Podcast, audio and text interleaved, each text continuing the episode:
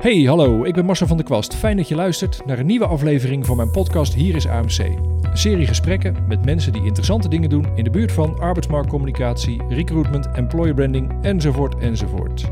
Je gaat nu luisteren naar aflevering 29. Ik zit op anderhalve meter aan tafel bij Nicole Talema van Voortext. Alle afleveringen van de podcast staan bij elkaar op een site, hierisamc.nl. Daar staan per aflevering ook de show notes. Ik vind het leuk als je laat weten wat je ervan vindt en of je nog tips of wensen hebt. Je kunt mij via die site bereiken of via LinkedIn of de andere sociale kanalen. Veel plezier met deze aflevering en alvast bedankt voor het luisteren. Vandaag ben ik met de microfoons en de spullen in Lelystad bij Nicole Talema. Goedemorgenmiddag, eh, Nicole. Ja, goedemorgen.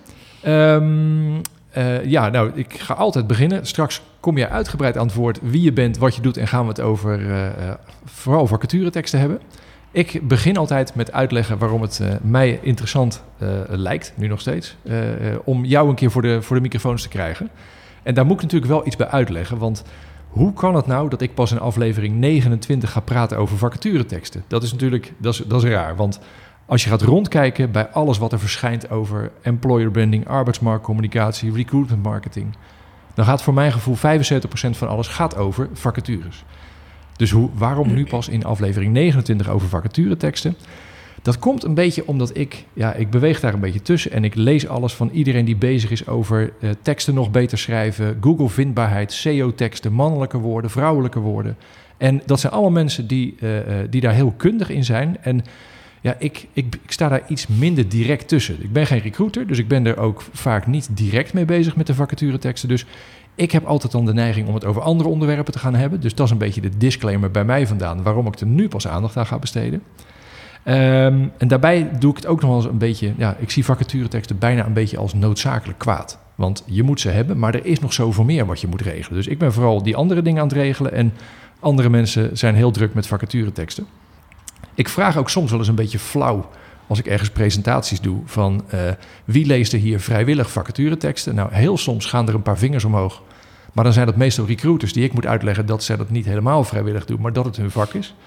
Uh, maar om een beetje van, van nou, daardoor een beetje te prikken in dat er veel meer is dan vacatureteksten. Maar dan moet ik mee oppassen, want ik trek het natuurlijk een beetje over de top, zoals ik het nu uh, in deze intro vertel. Voor je het weet word ik in het kamp geschaard van de vacatureteksthaters. Nou, geen, dat is geen zins het geval. Ik snap dat ze belangrijk zijn. Uh, daar kan je ontzettend veel goede dingen over zeggen. Nou, hopelijk gaan we dat nu doen, want we gaan het erover hebben.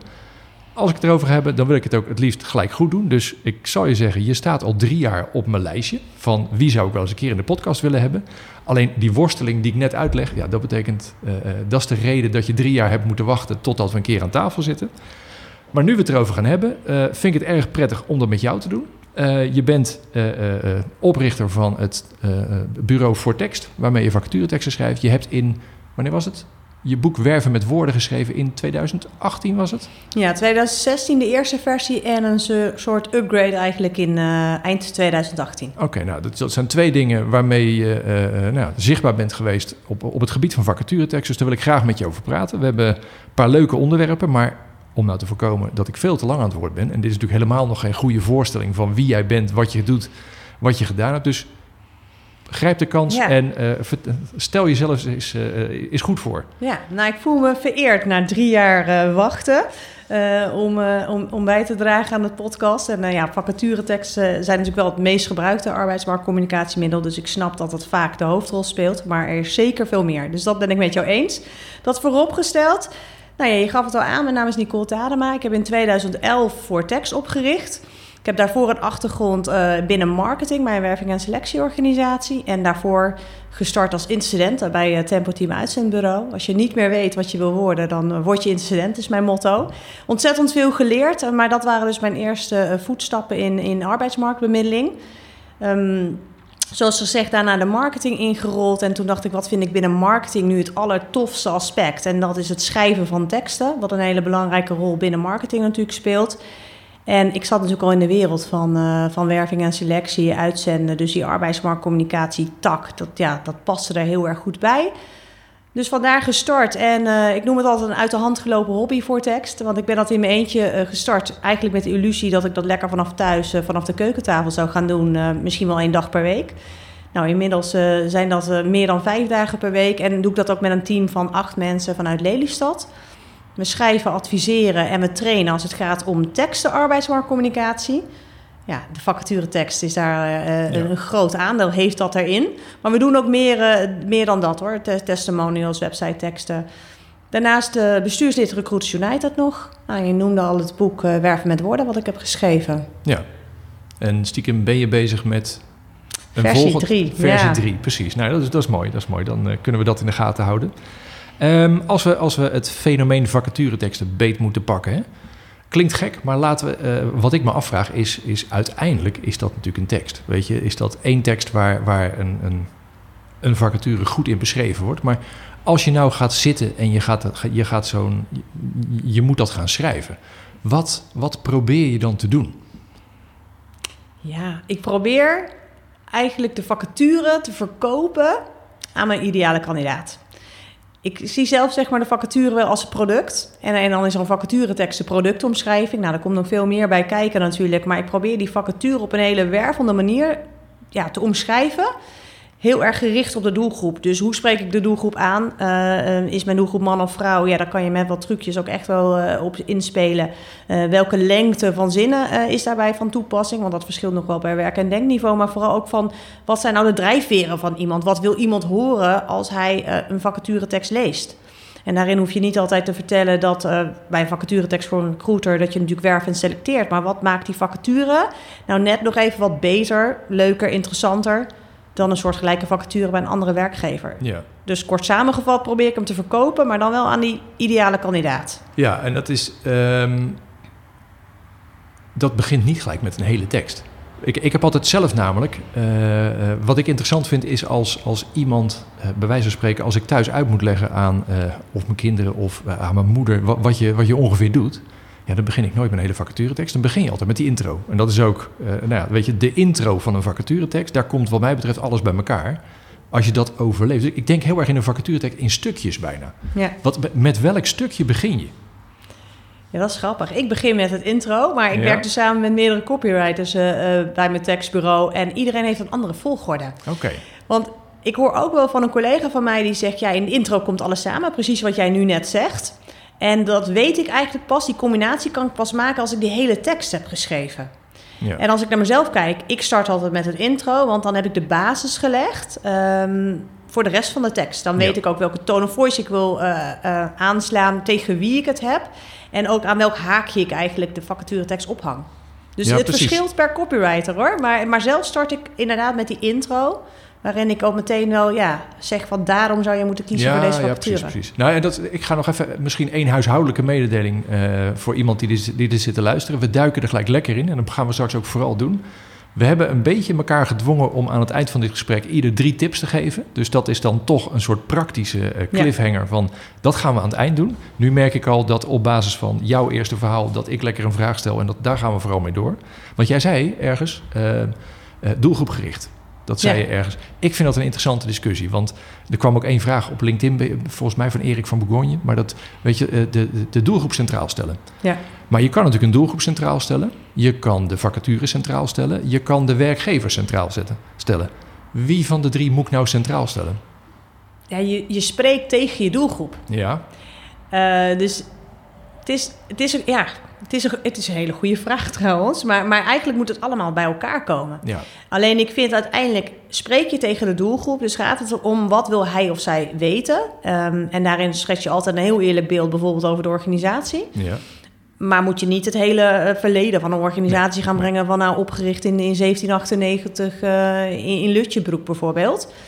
Maar omdat je tegen die doelgroep hebt, die boodschap is voor hem of haar bedoeld, ja, dat staat voor mij centraal. Dan ja. denk ik heel erg goed over na van ja, wat wil diegene weten of, of niet.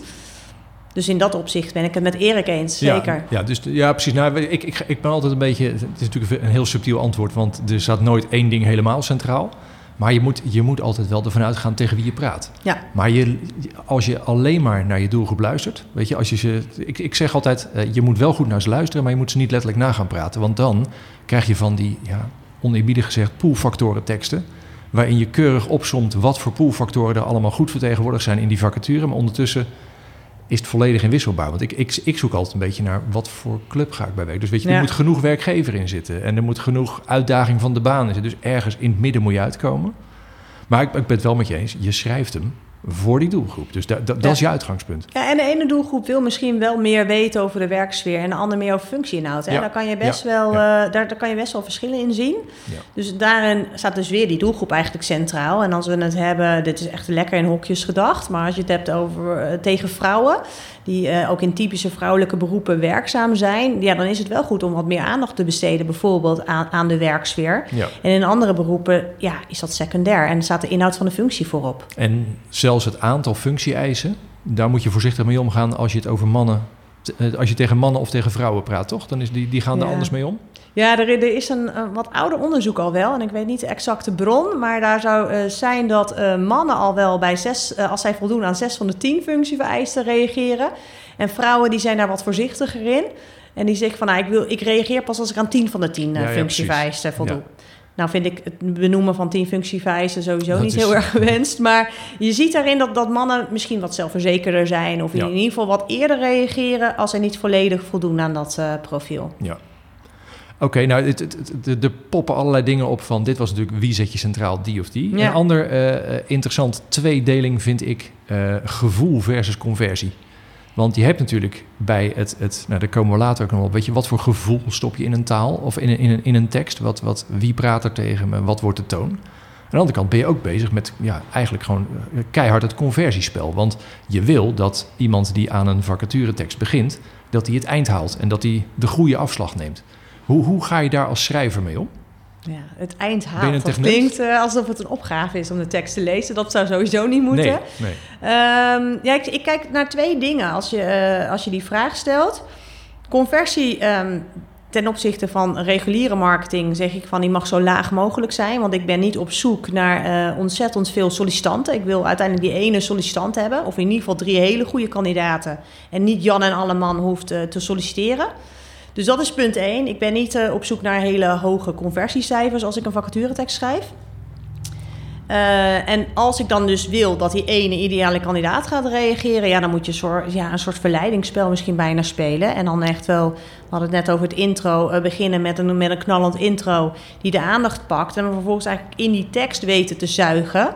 Ehm, ja, dat kan je ophangen ook aan het AIDA-marketingmodel bijvoorbeeld, van een stukje attention en interest. Iedere keer Desire. eigenlijk eh, de volgende stap verdienen. Dat Ja. iemand, ja, ja. En, en, en dan, ja, als ik, als ik gewoon praktisch denk van...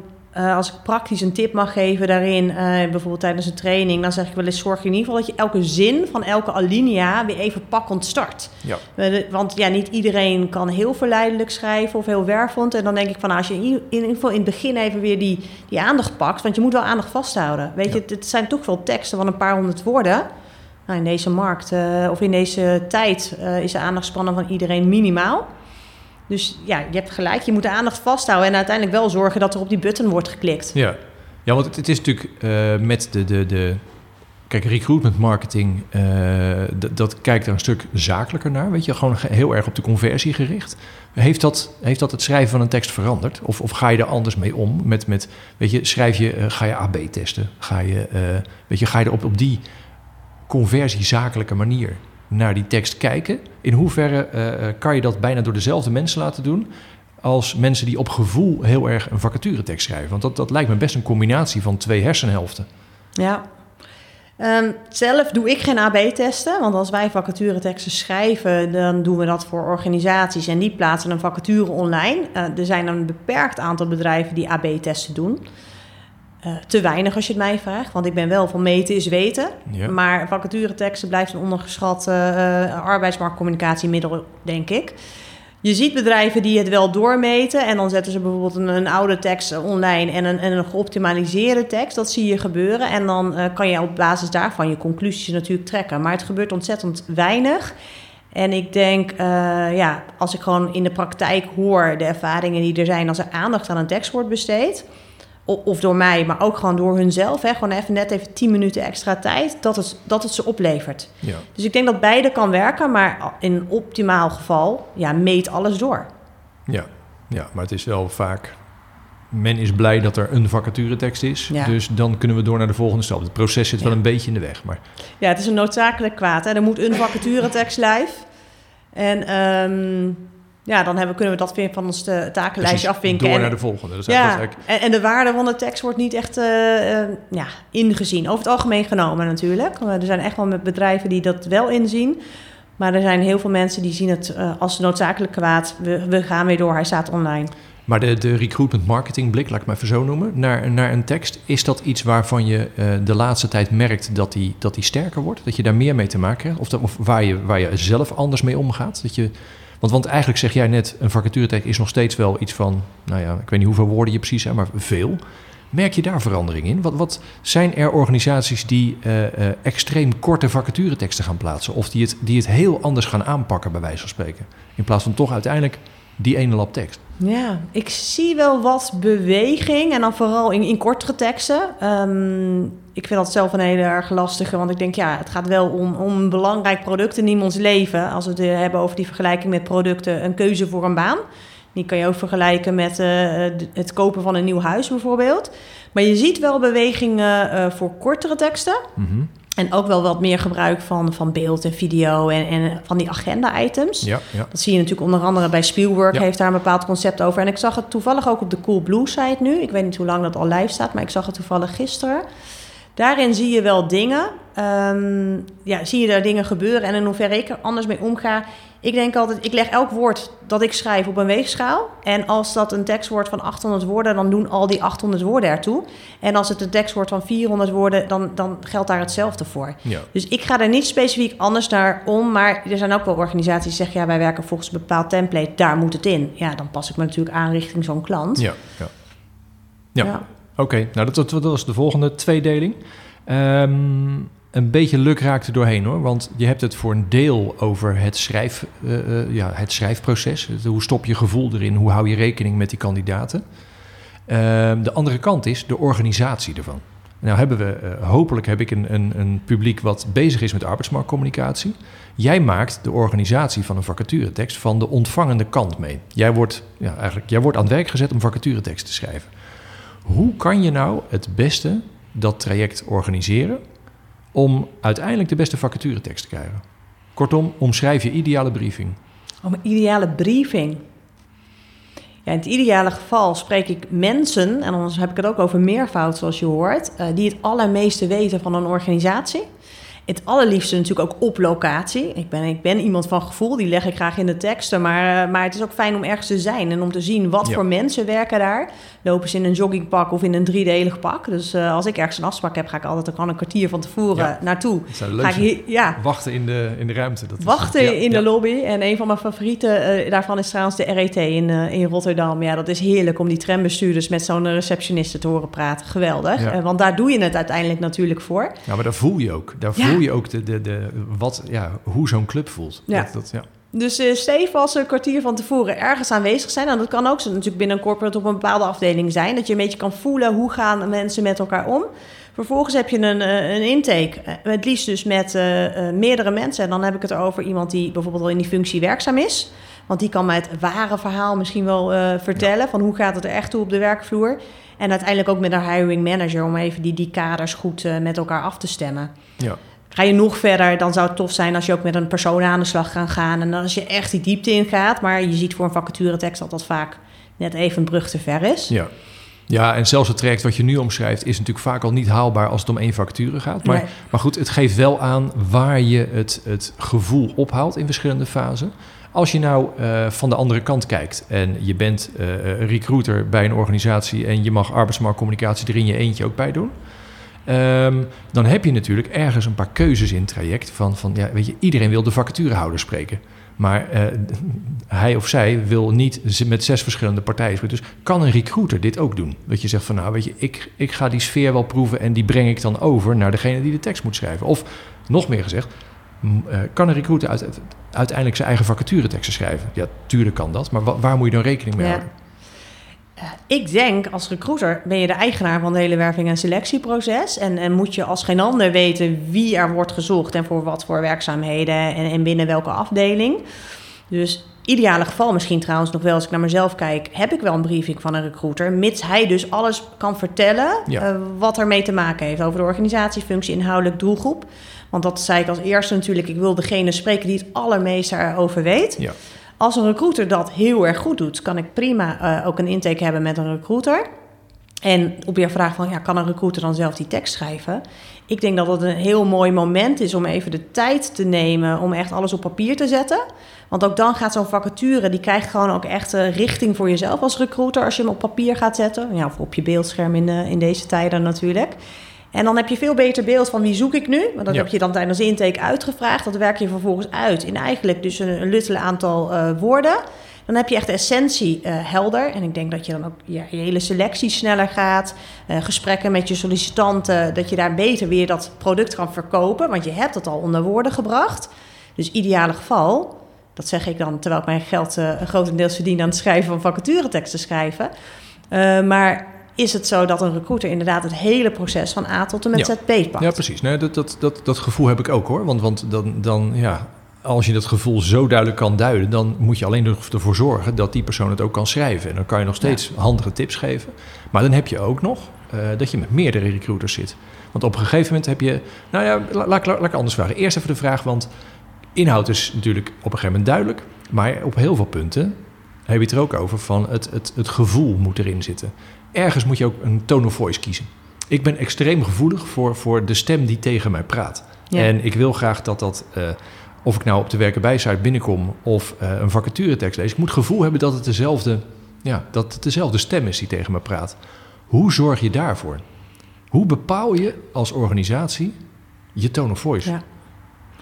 Nee, als je met meerdere recruiters vooral werkt, is dat eh, Nou, een dat extra de uitdaging, volgende denk vraag ik? is van, als je die dan gevonden hebt, hoe zorg je ervoor dat je dat met meerdere recruiters, dat je diezelfde tone of voice kan houden? Maar die, Ja. het gaat me eerst nog even over het bepalen, want eh, als het goed is, voelt iedere organisatie anders. Maar dat moet je daar, ja, dan moet je daar een tone of voice bij, bij gaan zoeken. Leg eens uit hoe, hoe dat werkt. Alsof het een knopje is hoor, maar dat, dat realiseer ik me dat het antwoord Ja. heel ingewikkeld is. Maar Ja, als ik, het, als ik het antwoord helemaal plat sla, dan zeg ik altijd van, van schrijf zoals je ook spreekt met je kandidaat. En dat is jouw tone of voice. Dus dat is, nou ja, dat is een stem met wie, je, met wie je spreekt. En de ene doet dat met heel veel Engelse termen. En de andere zegt van, nou wij zijn gewoon een oer-Nederlands bedrijf. Wij doen dat Nederlands en we gebruiken hiptaalgebruik of juist heel erg formeel. Dat is de korte versie. En dan staat dus weer die doelgroep centraal. Ja, Ehm, ja, maar die vind ik gelijk wel heel mooi. Want aan de ene kant zeg je net, het wachten bij een organisatie eh, een kwartier voor je afspraak, daar, daar voel je het. En daar Ja. hoor je ook hoe mensen tegen elkaar praten. Als ik eerlijk ben, dan zit ik vaak ook te denken van... oeh, dit moeten we maar niet zo... eh, weet je, dit moet je niet helemaal naar buiten. Maar je voelt daar wel Ja. of het een je- of een u-organisatie is. Of het, weet je, precies jargon wat jij zegt. Dus, dus eigenlijk zit daar al heel veel gevoel in.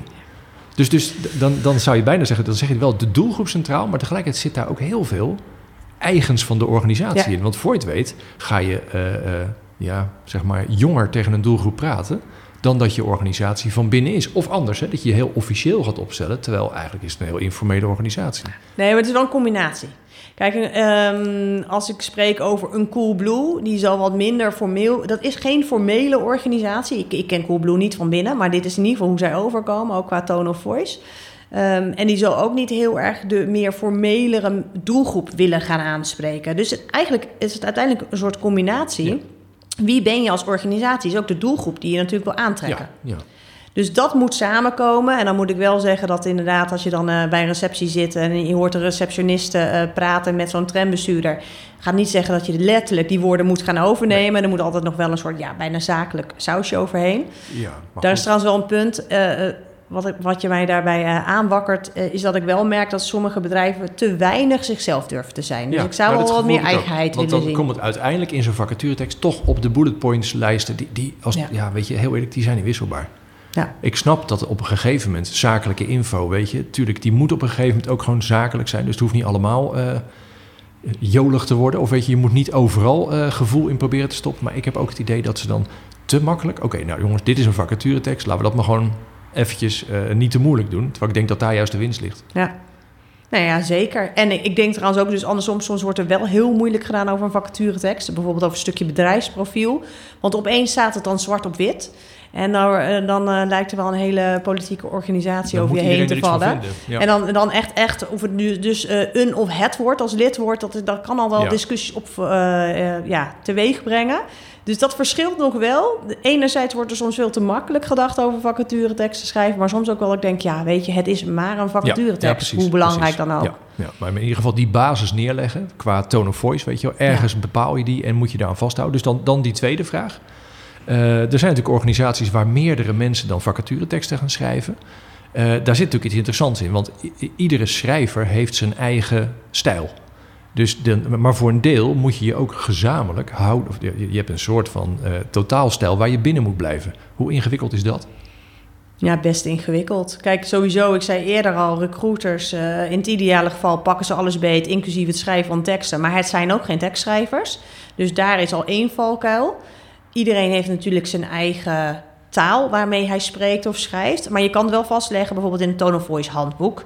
Waarin je zegt van oké, we, we, we werken niet met eh, Engelse termen. We werken juist wel heel erg met, met dit type woorden. En dan kan je ook gewoon een woordenlijst voor maken. Dat je zegt van nou, dit zijn woorden die we geregeld in teksten willen terugzien. Dus dan zet je al een soort trend daarin. Dit zijn onze eigen jeukwoorden. Dat, Ja. ja. ja, precies. Deze Ja, wij hebben, niet. wij hebben bij Vortex hebben we oprecht een verboden woordenlijst. Ja, Want dit zijn ja. gewoon woorden, eh, als wij schrijven voor klanten weliswaar, die willen we echt niet terugzien. Die kan je ook intern binnen je organisatie natuurlijk gewoon eh, Ja, eh, ophangen op het prikbord. Van nou, dit zijn woorden, die willen we wel en niet terugzien. Nou ja, of letterlijk. We hebben op de redactie van Werk over Nederland hadden we op een gegeven moment ook de, de, de, de lijst. Maar die hebben letterlijk aan de muur gehangen. Wat, dat waren de twijfelwoorden. Dat je zegt van ja, ik wil kun- gaan we dit nou wel of niet zeggen? Weet Ja. je? Of hebben we dan liever dat? Nou, dat is heel belangrijk om dan een soort gezamenlijk gevoel te benoemen. Dat je zegt van nou, we zijn meer dit dan dat we Ja. dat zijn. En zo ontdek je het met z'n allen. Maar er is natuurlijk wel, er moet een soort van ruimte zijn voor iedere schrijver. Maar dat is, ja, goed, met elkaar erover praten, dat is... eh, Ja, ik denk, ja, ik denk dat, nou ja, over praten en ook echt wel even afspraken Ja. maken van dit doen we wel, dit doen we niet. Maar uiteindelijk denk ik dat je ieders karakter bijna wel een beetje terugziet in een tekst. Ik heb altijd de illusie, en dat, zou ik heel graag willen, dat als je bij Vortex een tekst aanvraagt, eh, dat je niet ziet wie van mijn copywriters hem heeft geschreven. Daar doen we ook keihard ons best eh, voor. En eh, er zit altijd nog een extra check ook tussen van, van een senior copywriter die daar nog even over waakt. Maar uiteindelijk krijg ik nog wel eens opmerkingen van... Hey, deze tekst, we zien gewoon dat die en die collega hem heeft geschreven. ja. Want iedereen heeft wel zijn eigen schrijfstijl. Dus Ja, zelfs ja, bij, bij ervaren copywriters is dat bijna niet te voorkomen. Laat Nee. staan bij de recruiters die ja, tekstschrijver er eigenlijk natuurlijk Ja, eh, een beetje bij doen. Als dat ook de recruiter is die uiteindelijk die je tegenkomt op het moment dat je solliciteert, vind ik het juist wel goed. Dat, er- dat er een soort Ja. eigen stijl in zit. Als je maar met z'n allen een paar afspraken maakt. Dat je, eh, nou, ja, wij hadden bij de provincie Zuid-Holland de afspraak dat we in de eerste alinea in ieder geval aangaven wat een provincie doet, want dat weet niemand. En dan vervolgens zag je onderin, nou dan kon ik meestal wel met mijn hand op de laatste alinea voorspellen wie de tekst geschreven had. Maar dat geeft helemaal niks. Als je maar met elkaar de basis een soort van afspraak, maar dan moet iedereen wel ook, het moet ook wel leuk blijven. In plaats van dat je een soort harnas zit te schrijven. Dat, eh, Ja, en dat is meer trouwens ook wel een opbouw, hè, denk ik. Want, want tone of voice is hoe je dingen eh, omschrijft. ja. En als jij zegt van in elke eerste zin leggen we uit hoe een provincie te werk gaat. Ja, of wat we doen Dat heeft- een- dat- ja. Dat heeft meer te maken dan met je opbouw. En daar kan je trouwens ook best wel richtlijnen over Ja. geven. Want we in de eerste zin vertellen we altijd wat deze vacature interessant maakt. En in de tweede alinea leggen we de impact van het werk bijvoorbeeld eh, uit. Daar kan je ook richtlijnen maken. En dat is dan meer, ja, meer richting vacatureopbouw, vacature templates. Dat zie ik dan wel weer anders als tone of voice. De manier van welke keuze van woorden heb je en eh, welke toon sla je aan. Oké, ik ga even terug naar de, de, de structuur, voor zover die er is. Eh, als je, we waren bezig met de organisatie van die vacatureteksten. Ja. Ehm, om die doelgroep centraal te zetten. Hoe zorg je ervoor dat je genoeg weet van die doelgroep?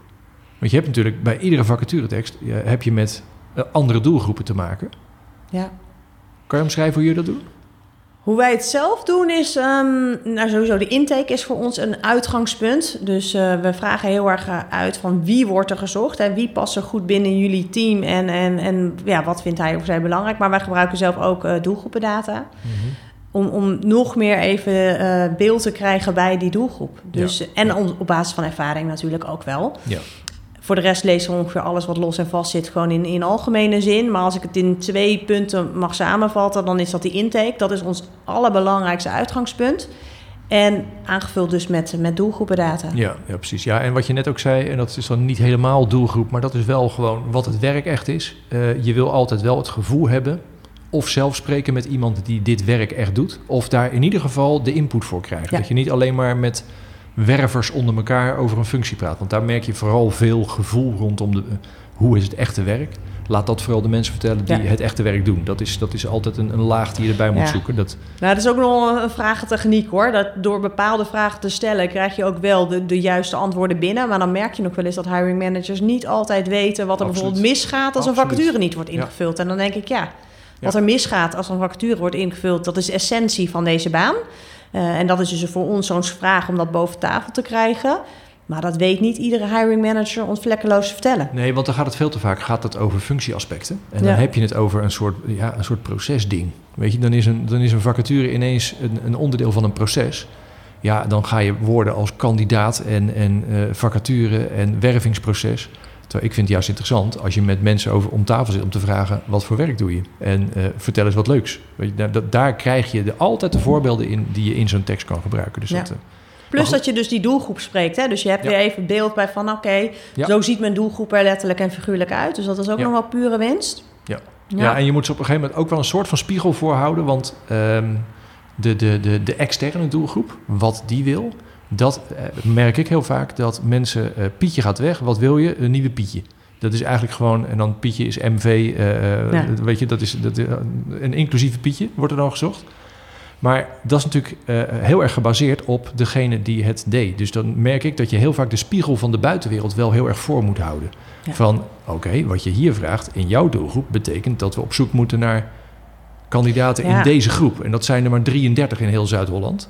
Dus zullen we hem iets verbreden. Dus op die manier, de, de, de, eigenlijk de, een beetje de sparren over de doelgroep... heeft heel veel zin om, dat, om die luiken niet te ver gesloten te houden. Maar dat, eh, Nou, eens. Maar ik denk dat een recruiter dat dus ook alles allerbeste kun- absoluut. kan. Want soms heb ik wel eens een intake en dan denk ik, ja, ik, ik ben maar copywriter, Ja. denk ik wel eens. maar dan ben je wel aan het sturen. Want dan Ja. zegt iemand, ik zoek een, eh, een junior projectleider. Maar die moet wel 15 mensen gaan aansturen en moet 20 jaar ervaring meebrengen. Ja. Dat is natuurlijk even over de top. nee, maar dat is inderdaad dat is, dat is Ja. wervingsoverleg. Nou dat, dat moet je en dan ben ik wel aan het bijsturen hoor. In zo'n gesprek van, nou, hoor je wat je zegt? Oh ja, ja nu, nu, nu we het er zo over hebben. Maar denk ik, eigenlijk zou dat de rol moeten, zijn van de recruiter. Ja. Die natuurlijk die, Ja. die, die verwachtingen eigenlijk daar al in manage. Of dat ze inderdaad zeggen van, nou, ik zoek een developer met 10 jaar ervaring voor eh, 2000 euro bruto per maand. Dan denk ik, Ja, dat wordt een precies. lastige. Eh, Dat gesprek ga ik soms wel eens aan hoor. Dat ik denk van, nou, misschien moeten we daar de verwachtingen in, in bijschaven. En moeten we even wat poten van dat schaap eh, af gaan zagen.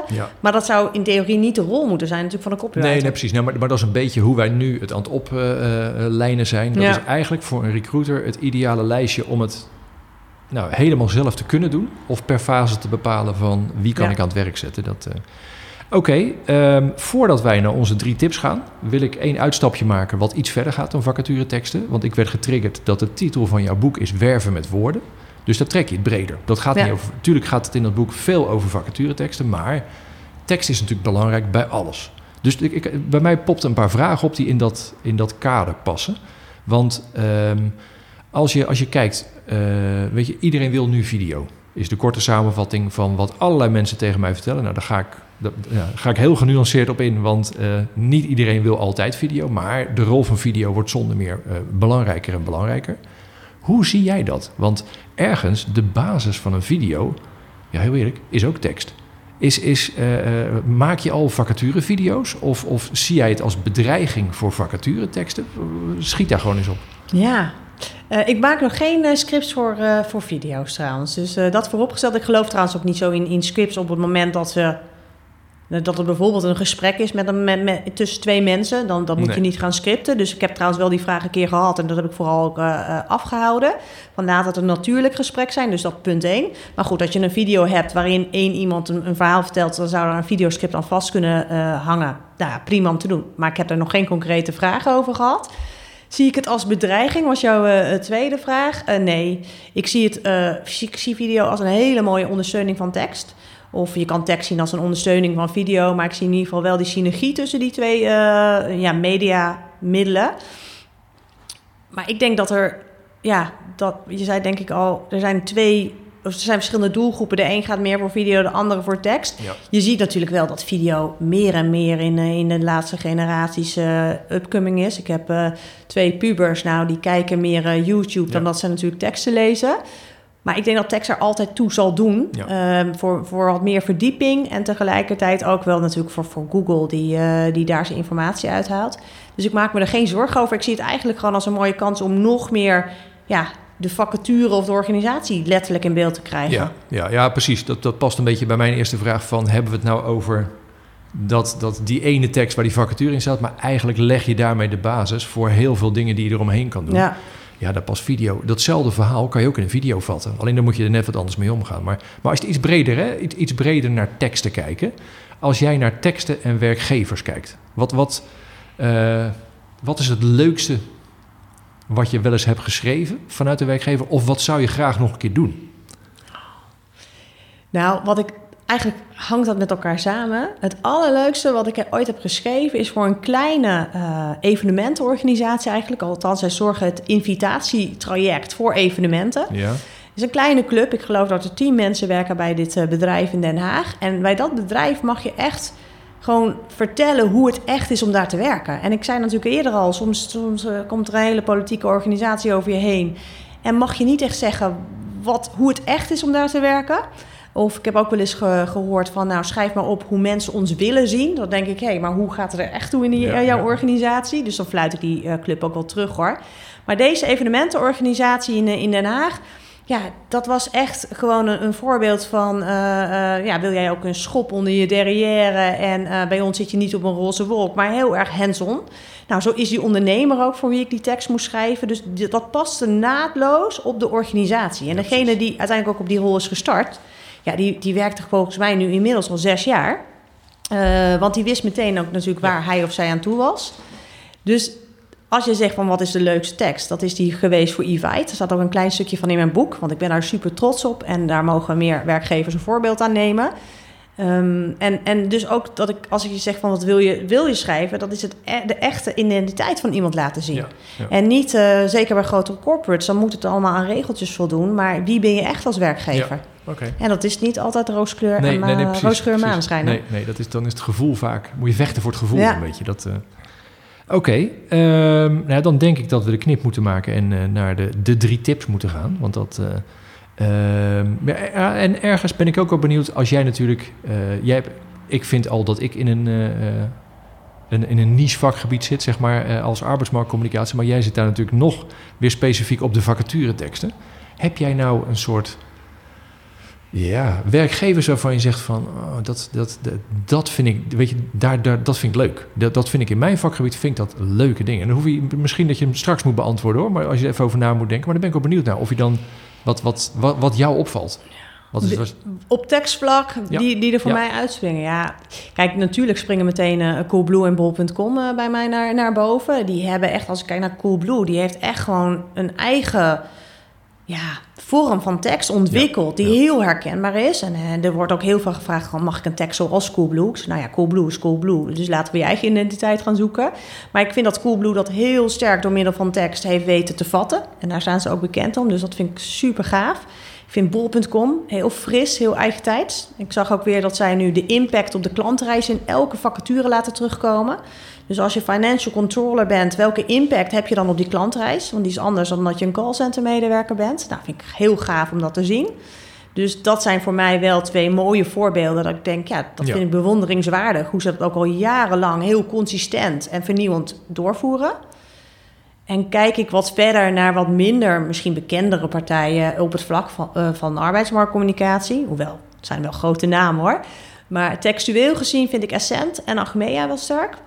En dat zit hem vooral in, ja, wat jij zei, werven met woorden is veel meer dan vacaturetekst. En die clubs, Achmea en Essent, die pakken eigenlijk die hele, eh, die hele talent journey beet. Dus vanaf de vacaturetekst, vanaf het wervingstraject, tot aan oprecht eh, de brief waarin je ontslag wordt ja, bevestigd. precies. Nou ja, ja mooi. En dat is gaaf, hè? Als, Ja. dat hele, als alles in diezelfde tone of voice wordt gebracht. Want je hebt soms ook wel eens dat je natuurlijk eh, een vacaturetekst hebt die hartstikke leuk en jolig is. Maar al bij de ontvangstbevestiging eh, wordt er Ja. ineens u tegen nou ja, gezegd. ik, ik ben eh, toevallig bij de provincie Zuid-Holland ben ik eh vacaturehouder geweest voor mijn eigen opvolger. Dus dan krijg je ineens alle teksten langs. En toen werd ik ook weer ja. Aan de ene kant is het natuurlijk eigenlijk wel, wel bijna gênant om te zeggen, maar je realiseert je dan pas ineens wat het hele traject is. Tenminste, dat had ik meer dan dat je het van de zijlijn bekijkt. Maar dan word je ook geconfronteerd met afwijzingsteksten. Dat je zegt, ja jongens, dit kan niet. Maar Nee. dat is dan heel logisch benoemd, omdat het dan overgaat van systeem 1 naar sy- systeem 2. Maar nee, jongens, dat, dus dat, dat zou ik, Ja. dat vond ik een ontzettende eye-opener. Dus dat zou ik iedereen adviseren. Dat, eh, en waarschijnlijk, trouwens- doet iedereen dat al lang en liep ik erachteraan hoor. Ik vraag nog wel eens tijdens trainingen van wie heeft ooit wel eens eh, eh, op zijn eigen vacatures gesolliciteerd. En dat zijn soms echt recruiters die al tien jaar bij een club eh, werkzaam zijn. En het antwoord is heel vaak nee. En dat vind ik inderdaad wel pijnlijk. Van, sollici- vacaturetekst is leuk, maar als er dan een sollicitatieformulier met 30 velden onderaan hangt, nou, dan gaat die conversie nog, nog Ja. meer naar beneden. Inderdaad, welke ontvangstbevestiging, welke afwijzing krijg je? Arbeidsovereenkomst, daar zie ik trouwens Ja. ook wel een ontwikkeling Ja. in. Dat eindelijk die wat wollerige overeenkomsten plaatsmaken voor soms gewoon one-pagers die heel helder en in diezelfde tone of voice ja, zorgen dat je in die hele experience blijft zitten. Ja, ja, dat het Die- gevoel overal in zit. Ja, Nou ja, dus- het, is, het is bijna, eh, weet je, dat, dat, het zou niet nodig moeten zijn. Alleen, helaas, het is wel nodig. Dus, dus ik zou het ook zeker doen. Nou, dat, is- dat, is- dat is een mooi bericht, want het is bijna natuurlijk al je eerste tip. Terwijl ik niet weet of je hem als eerste tip had opgeschreven. Laten we, eh, eh, dat is dan toch een beetje de afsluiting, maar we hebben best nog wel tijd. Ehm, laten we gewoon eens om de beurt een tip eh, afvuren. Gewoon voor een deel zullen ze best wel een beetje aan de orde gekomen zijn. Maar als je alleen dit stukje langskomt, dat je dan toch nog nou, een beetje praktisch er wat aan hebt. Ja. Wil jij beginnen of zal ik beginnen? Ik trap wel af hoor. Ja. Ehm, want ik denk, nou, we hebben het erover. Ik, er zijn weinig eh, organisaties, of te weinig moet ik eigenlijk zeggen, die echt die aandacht besteden aan die vacaturetekst, als we daar weer even op terugvallen. En eh, als we het er ook over hebben dat recruiters het zelf moeten doen of mogen doen, als je het aan mij vraagt, besteed morgen even 10 minuten extra tijd in je tekst. Want het gaat je gewoon super opleveren. En als je die tijd gaat op, eh, die, de tijd te gaan insteken, maar ook gaat monitoren wat gebeurt er. Dan hoef je geen AB-test voor te doen. Maar je kan natuurlijk ook in de gaten houden van hey, wat doet dat met de kwaliteit van mijn sollicitanten.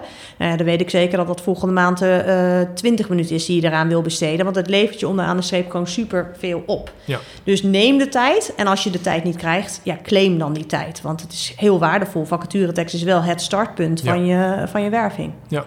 Oké. Dus dat is mijn, eh, ja, misschien wel de belangrijkste tip. Vandaar dat ik hem als eerste Ho, ho, ho. Je weet niet wat ik voor tips ga geven. Nee, daarom. Dat, eh, maar ik denk, als jij hem op je lijstje hebt, heb ik hem in ieder geval nee, gehad. nee, nee, niet.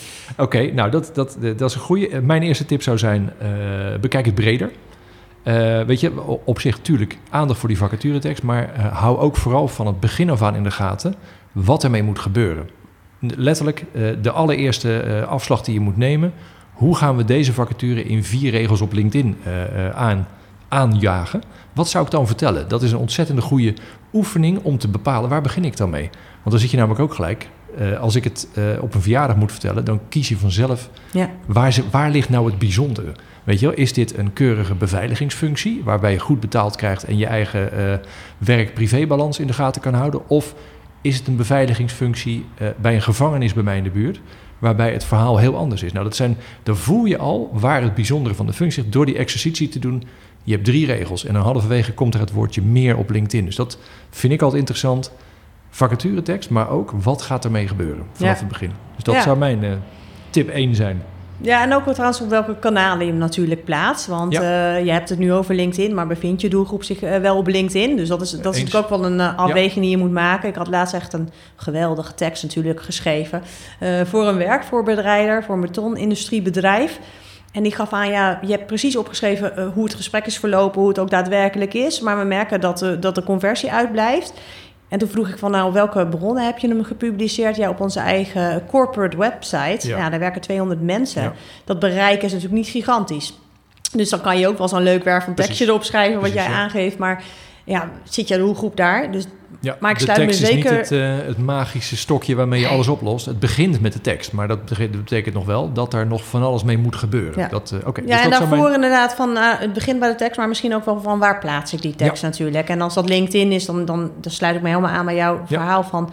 probeer dat samen te vatten in, in, een, in een korte... Doe maar eens een keer die oefening hoe je het zelf zou doen. Ja. En dan is dat vervolgens, is dat nog de vraag of je doelgroep dat zo overneemt. Maar daar ligt dan de rol voor jou. Maar goed, dat, eh, dat, dat zou mijn eerste tip zijn. Dus dat, eh, Nou, mijn tweede tip eh, sluit er echt op aan. en heeft eigenlijk ook wel overeenkomsten daarmee. Want ik zeg dan van, start altijd met een knallend intro van je vacaturetekst. We hebben het dus ook eerder al even over gehad. Maar in die eerste paar seconden moet je die aandacht weten te vangen. En, en zorgen dat die mensen die tekst van een paar honderd woorden ook daadwerkelijk gaan lezen. Dus dat ze getriggerd worden. En um, waarom die weer aansluit bij jouw verhaal van hoe zet je dat bijvoorbeeld op LinkedIn of op Facebook of op een ander kanaal, is omdat je heel vaak ook nog wel dat intro stukje tekst kan je ook gebruiken om op, eh, op LinkedIn te posten. En, en ja, ja. weet je, recruiters vinden altijd dat vacature teksten schrijven veel tijd kost. Dus ik probeer het ook nog wel zo efficiënt mogelijk voor ze te maken. Ik zei eerder, ja, 10 minuten extra tijd. Maar in een ideale wereld wil ik gewoon dat de recruiter een paar uur aan een tekst spendeert. Hè? Maar goed, uh, we blijven realistisch. Um, maar als je kijkt naar efficiëntie, dan denk ik als je een goede intro weet uh, te schrijven, dat je in vijf regels bijvoorbeeld echt de essentie weet te vertellen, wat, wat, wat de factuur uiteindelijk verkoopt, dan kan je die bijna één op één gewoon kopiëren en dan zeg je lees meer en dan leid je ze naar je werken bij je website ja. of wat voor kanaal dan ook. Dus Goh, het is bijna alsof het ingestudeerd win, hebben, want het, ja. sluit, het sluit lekker aan Ja, dit is steek 101, toch? Uh. Nou, het, het, leuke is, mijn tweede tip, die bijna, het is echt alsof we het voorbereid Ach. hebben, maar dat hebben we, uh, hebben we echt niet gedaan. Nee. Ik hoor Nicole's tips voor het eerst. Um, ik, ik zou een oproep willen doen, voel jezelf in je organisatie als de stem naar buiten. Want uh, wat ik heel vaak heb gemerkt is dat je. Uh, nou, neem letterlijk weer het voorbeeld van de provincie Zuid-Holland. Uh, wij weten uit allerlei onderzoeken dat uh, niemand weet wat een provincie doet. als wij als provincie niet uitleggen. Nou, dat hebben we, dat hebben we heel lang te weinig gedaan. Dus je moet ervan uitgaan dat iedereen die een vacaturetekst ergens langs ziet komen, neem maar bijvoorbeeld weer op LinkedIn, die weet eigenlijk niet zo goed wat een provincie doet. Ja, dan moeten wij dus in die introtekst altijd de koppeling leggen tussen wat een provincie doet en wat jij daarvoor gaat betekenen. Nou, dat is als je dat als recruiter vijf keer hebt gedaan, dan is het een hele normale menselijke neiging om te denken van, zo, dat weten ze, we kunnen door naar de volgende stap. Maar eigenlijk moet je een soort, ja, doe alsof je een goudvis bent. Want iedere keer moet je weer tegen die, dat deel van de, je doelgroep vertellen, want het zijn iedere keer verschillende vacatures. Wat doen we? En wat ga jij eraan bijdragen? Nou, zo'n soort mantra bijna. Ik heb me echt een ontzettend vervelende politieagent gevoeld als ik dat iedere keer moest zeggen. Maar je merkt dat zeker als je intern elkaar spreekt, op een gegeven moment, ja, intern heb je het daar niet meer over. Naar buiten toe moet je alles opnieuw weer een keer uitleggen. Tenzij je natuurlijk uh, volgtijdig dezelfde doelgroep aan het bewerken bent. Maar goed, dat hadden we niet met, met de losse ja. vacatures daar. Maar dat vond ik een belangrijke om, voel jezelf de stem naar buiten. Hoe zou ik dit vertellen aan iemand die helemaal niet weet hoe het hier werkt? Nou, dat is echt, dat moet je iedere keer opnieuw weer doen. Ja, nee, maar hoe deed je dat ook met functienamen? Want zeker binnen Eens. de overheid is dat ja. natuurlijk een, een mooie, uh, ja, heb je een hele mooie scala aan, aan uitdagende functienamen, waarvan de, uiteindelijk de buitenwereld vaak niet eens weet Precies. wat die functie gaat ja. doen. En dan, dan hoor je wel eens van organisaties, ja, intern weten we allemaal wat deze ja, persoon gaat doen. Ja, nou ja. heel fijn. Maar, dat, maar ik denk dat je dat ook wel mee kan nemen in jouw verhaal van, van binnen weten. naar buiten ja, toe. Dus, dus binnen moet je altijd ervan uitgaan dat jij de doelgroep vertegenwoordigt. Want ja. en, en dat betekent dat je domme vragen moet durven stellen. Oké, okay. niemand stelt die vraag en ik begrijp het niet. Vertel het mij toch nog ja. maar één keer. Oké, okay, nou, maar, dat, maar dat is wel, daar krijg je uiteindelijk betere teksten van. Weet ik zeker. Zeker, nee. 100% dus die, uh, eens. Doe eens, ja, durf domme vragen te stellen, past daar een beetje bij. En de goudvis ja. vind ik ook wel grappig. Maar dat, maar dat zit allemaal een beetje in die ene opmerking. Jij weer. Um, Tip 3. Tip 3. Nou ja, ik, ik, had eigenlijk, ik had wel even nagedacht van ja, welke tips wil ik delen. En ik had het doelgroepgericht schrijven, maar daar hebben we het al zo lang over gehad. Dat ik denk, nou, ik, ja. ik denk ter plekke nog een tip. Want ik heb uh, denk ik wel honderd uh, tips op mijn lijstje in mijn hoofd van hoe kan je betere teksten schrijven. Maar ja, verscheur het functieprofiel. Uh, dat klinkt heel dramatisch. Maar ik echt, wij kregen laatst weer een functieprofiel uit letterlijk 2003. En dat ik echt dacht, ja, dat, dat, kan toch gewoon niet waar zijn dat we op basis hiervan een tekst gaan schrijven. En dat gebeurt in de praktijk oprecht heel veel nog. En als je een goede intake doet, want die intake is gewoon ja, onlosmakelijk verbonden met het schrijven van een hele goede tekst. Ja, dan, dan is die intake je uitgangspunt. En dan haal je die essentie naar boven over de rol, over ja. wat is er echt nodig en wie wordt er gezocht en wat maakt die vacature dus leuker en interessanter. En dan doet dat functieprofiel echt niet meer ter, ja, ter zake. Nee. Nee, het leidt ook echt af. Ja, ik kan me voorstellen dat het wel een soort van basis is. Van, oh jee, nou gaat er daar iemand weg. Uh, ja, wat hebben tuurlijk. we? Alleen het moet niet uh, een soort uh, het functieprofiel erbij pakken en actualiseren. Nee, je moet eigenlijk gewoon een nieuw gesprek beginnen. Ja, over want, de functie wat over nou ja, gaat. We hadden het eerder over lengte van teksten. Nou, functieprofielen, we printen ze wel eens uit. En dan, dan heb je zo'n pak papier natuurlijk ja, op tafel liggen. Ga daar de essentie maar uithalen. Vacatureteksten zijn al zo lang, maar als je een functieprofiel één op één vertaalt, nou, dan uh, zijn ze ellenlang. En um, wat, wat ik wel trouwens doe, is een functieprofiel altijd bekijken. Voorafgaand, zeg maar, aan voorbereiding van intake. En dan, ja. dan ga ik wel toetsen van wat is nu het allerbelangrijkste. Maar tijdens het schrijfproces zelf, nou, ik doe het soms serieus wel eens rit- ritueel, dat ik hem echt even zo vers- verscheur. Want het komt echt vaak voor als we een intake hebben, dat het verhaal totaal anders is dan uiteindelijk Ja. op papier was. Ja, nou, dat geloof ik wel. Dat geloof Dus. Het zit eh, ja. belangrijk ook in het gevoel wat er van het begin af aan in zit dan. Nee, maar Ja. ook wel omdat het in een bepaald eh, functiegebouw, functiehuis... Ik, ik moet eerlijk zeggen, ik ben daar niet heel erg thuis in... maar dan, dan hoort een bepaalde functie onder een bepaalde noemer. Ja, Maar dan blijkt het in de praktijk anders te zijn. Ik, Ja. ik moest een keer een directiesecretaresse... ehm, ik moest even een tekst controleren van een junior copywriter... en die zou een directiesecretaressefunctie schrijven voor een overheidsinstelling. En ik lees die tekst en het was evenementenorganisator, zeg maar. Dus ik zeg, hey, heb je mij de goede tekst meegegeven? Ja, zegt ze, maar eh, eh, zeker. Maar tijdens de intake bleek dat deze persoon vooral evenementen gaat organiseren. En ehm, jubilea en dergelijke, dat daarvoor evenementen worden georganiseerd. En het is geen directiesecretaressefunctie, maar hij hoorde in die functieschaal, Ja. dus vandaar dat. Ja. Ja, als je dan het functieprofiel als uitgangspunt neemt, dat, dan sla je de plank finaal Ja. mis. Ja. Dus vandaar verscheur het functieprofiel. Oké, nou dan is de laatste, eh, die, die moet ik doen. Ehm, voor een deel hebben we het erover gehad, maar ik vind hem eigenlijk wel zo lekker om hem toch nog wel eventjes te noemen. En dat gaat om die tone of voice. Want ik vind dat, ik, ik denk dat ik zelf daar misschien wel een beetje eh, extreem gevoelig voor ben, maar ik denk dat daar heel veel winst te halen valt. Voor, voor ja, eh, maak daar iets, benoem hem apart. Want heel vaak is dat toch een klein beetje van, ja, dat doen we, dat, dat, dat- zo doen we dat ongeveer. Ik denk dat er heel veel winst te halen valt door actief te benoemen welke tone of voice je kiest. Waar we het net al over hadden, weet je, dat moet passen bij hoe het, hoe het is, maar het moet ook aansluiten bij een doelgroep. Maar kies er één. In plaats van dat je het eigenlijk een soort van onuitgesproken met z'n allen een beetje probeert te benaderen. Het helpt ontzettend om het concreet te maken. Ja. Wat, wat dat betekent, eh, wij willen graag dit, dan eh, kiezen we hiervoor. En eh, dat betekent dat we het liefst wel dit zeggen en het liefst niet dat. En daar gaat iedereen dan een beetje in bewegen. En misschien moet je er wel een eigenaar voor maken. Dat als mensen Grappig, ja. hoe zullen we het ongeveer vertellen? Nou moet je eventjes bij hem zijn. Want dat, dat, ja, dan voel je altijd wel dat daar iets in zit. Dus het blijft iets ingewikkelds. Want het is, het is gevoel en het is vaag. Maar ik zou het, ik zou het ergens een, een, een, ja, een concreet project bijna van maken. Nou, ik zei grappig, want in corporate communicatie zie je het wel heel vaak. Hè? Dus van, Ja. van een tone of voice, wijzers eigenlijk. Dat zit dan weer een deel van het huisstijlhandboek of, of wat dan ook. Dus corporate communicatie wordt er heel veel aandacht aan besteed. Maar binnen recruitment, binnen arbeidsmarktcommunicatie... zie je niet een apart document. Want dat Nee. zou een heel mooi startpunt zijn.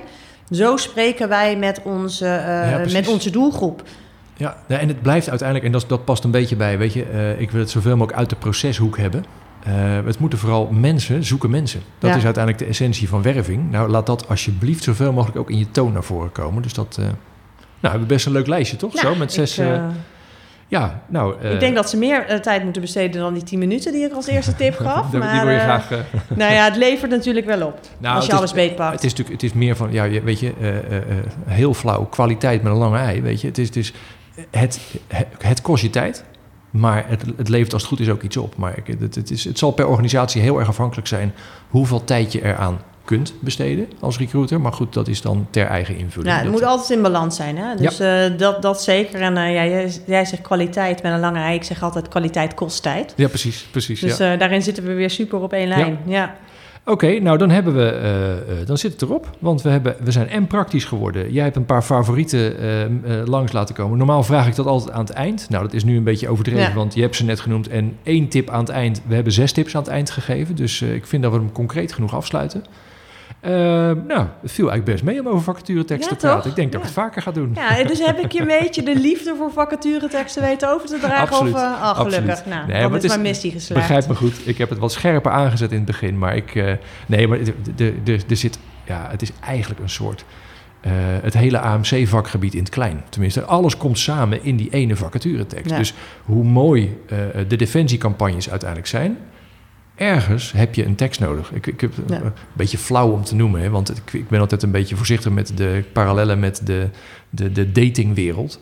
Maar eh, ergens is een merk is een relatie, dus op de arbeidsmarkt ook. En ik, ik heb het al eens een keer flauw genoemd van, van eh, als jij een leuk iemand ziet en nou, de- daar wil je wel iets mee, dan stap je er nooit op af met de huwelijkse voorwaarden, want dat werkt niet. Dat is altijd een beetje flauw om op die manier Ja. vacatureteksten weg te zetten, maar ergens moet je wel een beetje dat spel van, oké, hoe kom ik in beeld? Wat is mijn eerste pitch? Nou, daar hebben we redelijk wat dingen voor Ja. gegeven. Dus ik, eh, ik vond, vond het leuk. Mooi. Dankjewel voor je Ja, tijd ook. en voor je, voor je input. Ehm, Ja, kijk, uh, uh, mensen weten hier wel te vinden online. Als er nog vragen, opmerkingen zijn. We hadden op LinkedIn uitgezet dat wij uh, het hierover gingen hebben. Daar hebben we onwijze interessante vragen langs gekregen. Ik hoop dat we ze hier genoeg in hebben kunnen verwerken. Ja. We, kunnen ze niet, we hebben ze niet allemaal tot in detail kunnen beantwoorden. Maar qua onderwerpen die aangehaald zijn, zijn we volgens mij redelijk te langs gewandeld. Als mensen nog meer willen weten, kunnen ze ons altijd los benaderen. We zijn, we zijn te vinden. We lopen in het uh, wild uh, los, toch? Precies, precies. Dus dat, uh, dankjewel voor nu. ja, we, we blijven elkaar volgen. Zeker. Nou ja, dankjewel dat ik mijn liefde voor vacature ja, aan nou, die is, die is overgekomen. Geen probleem. Nee, dankjewel. Oké. Tot zover deze aflevering van Hier is AMC. Bedankt voor het luisteren. Je kunt je abonneren op deze podcast via SoundCloud, Spotify, Stitcher of iTunes... of op welke manier jij je podcast ook binnenhaalt. Ze staan ook op YouTube voor als je nog niks met podcast doet. Alle info staat op de site hierisamc.nl. Graag tot de volgende keer.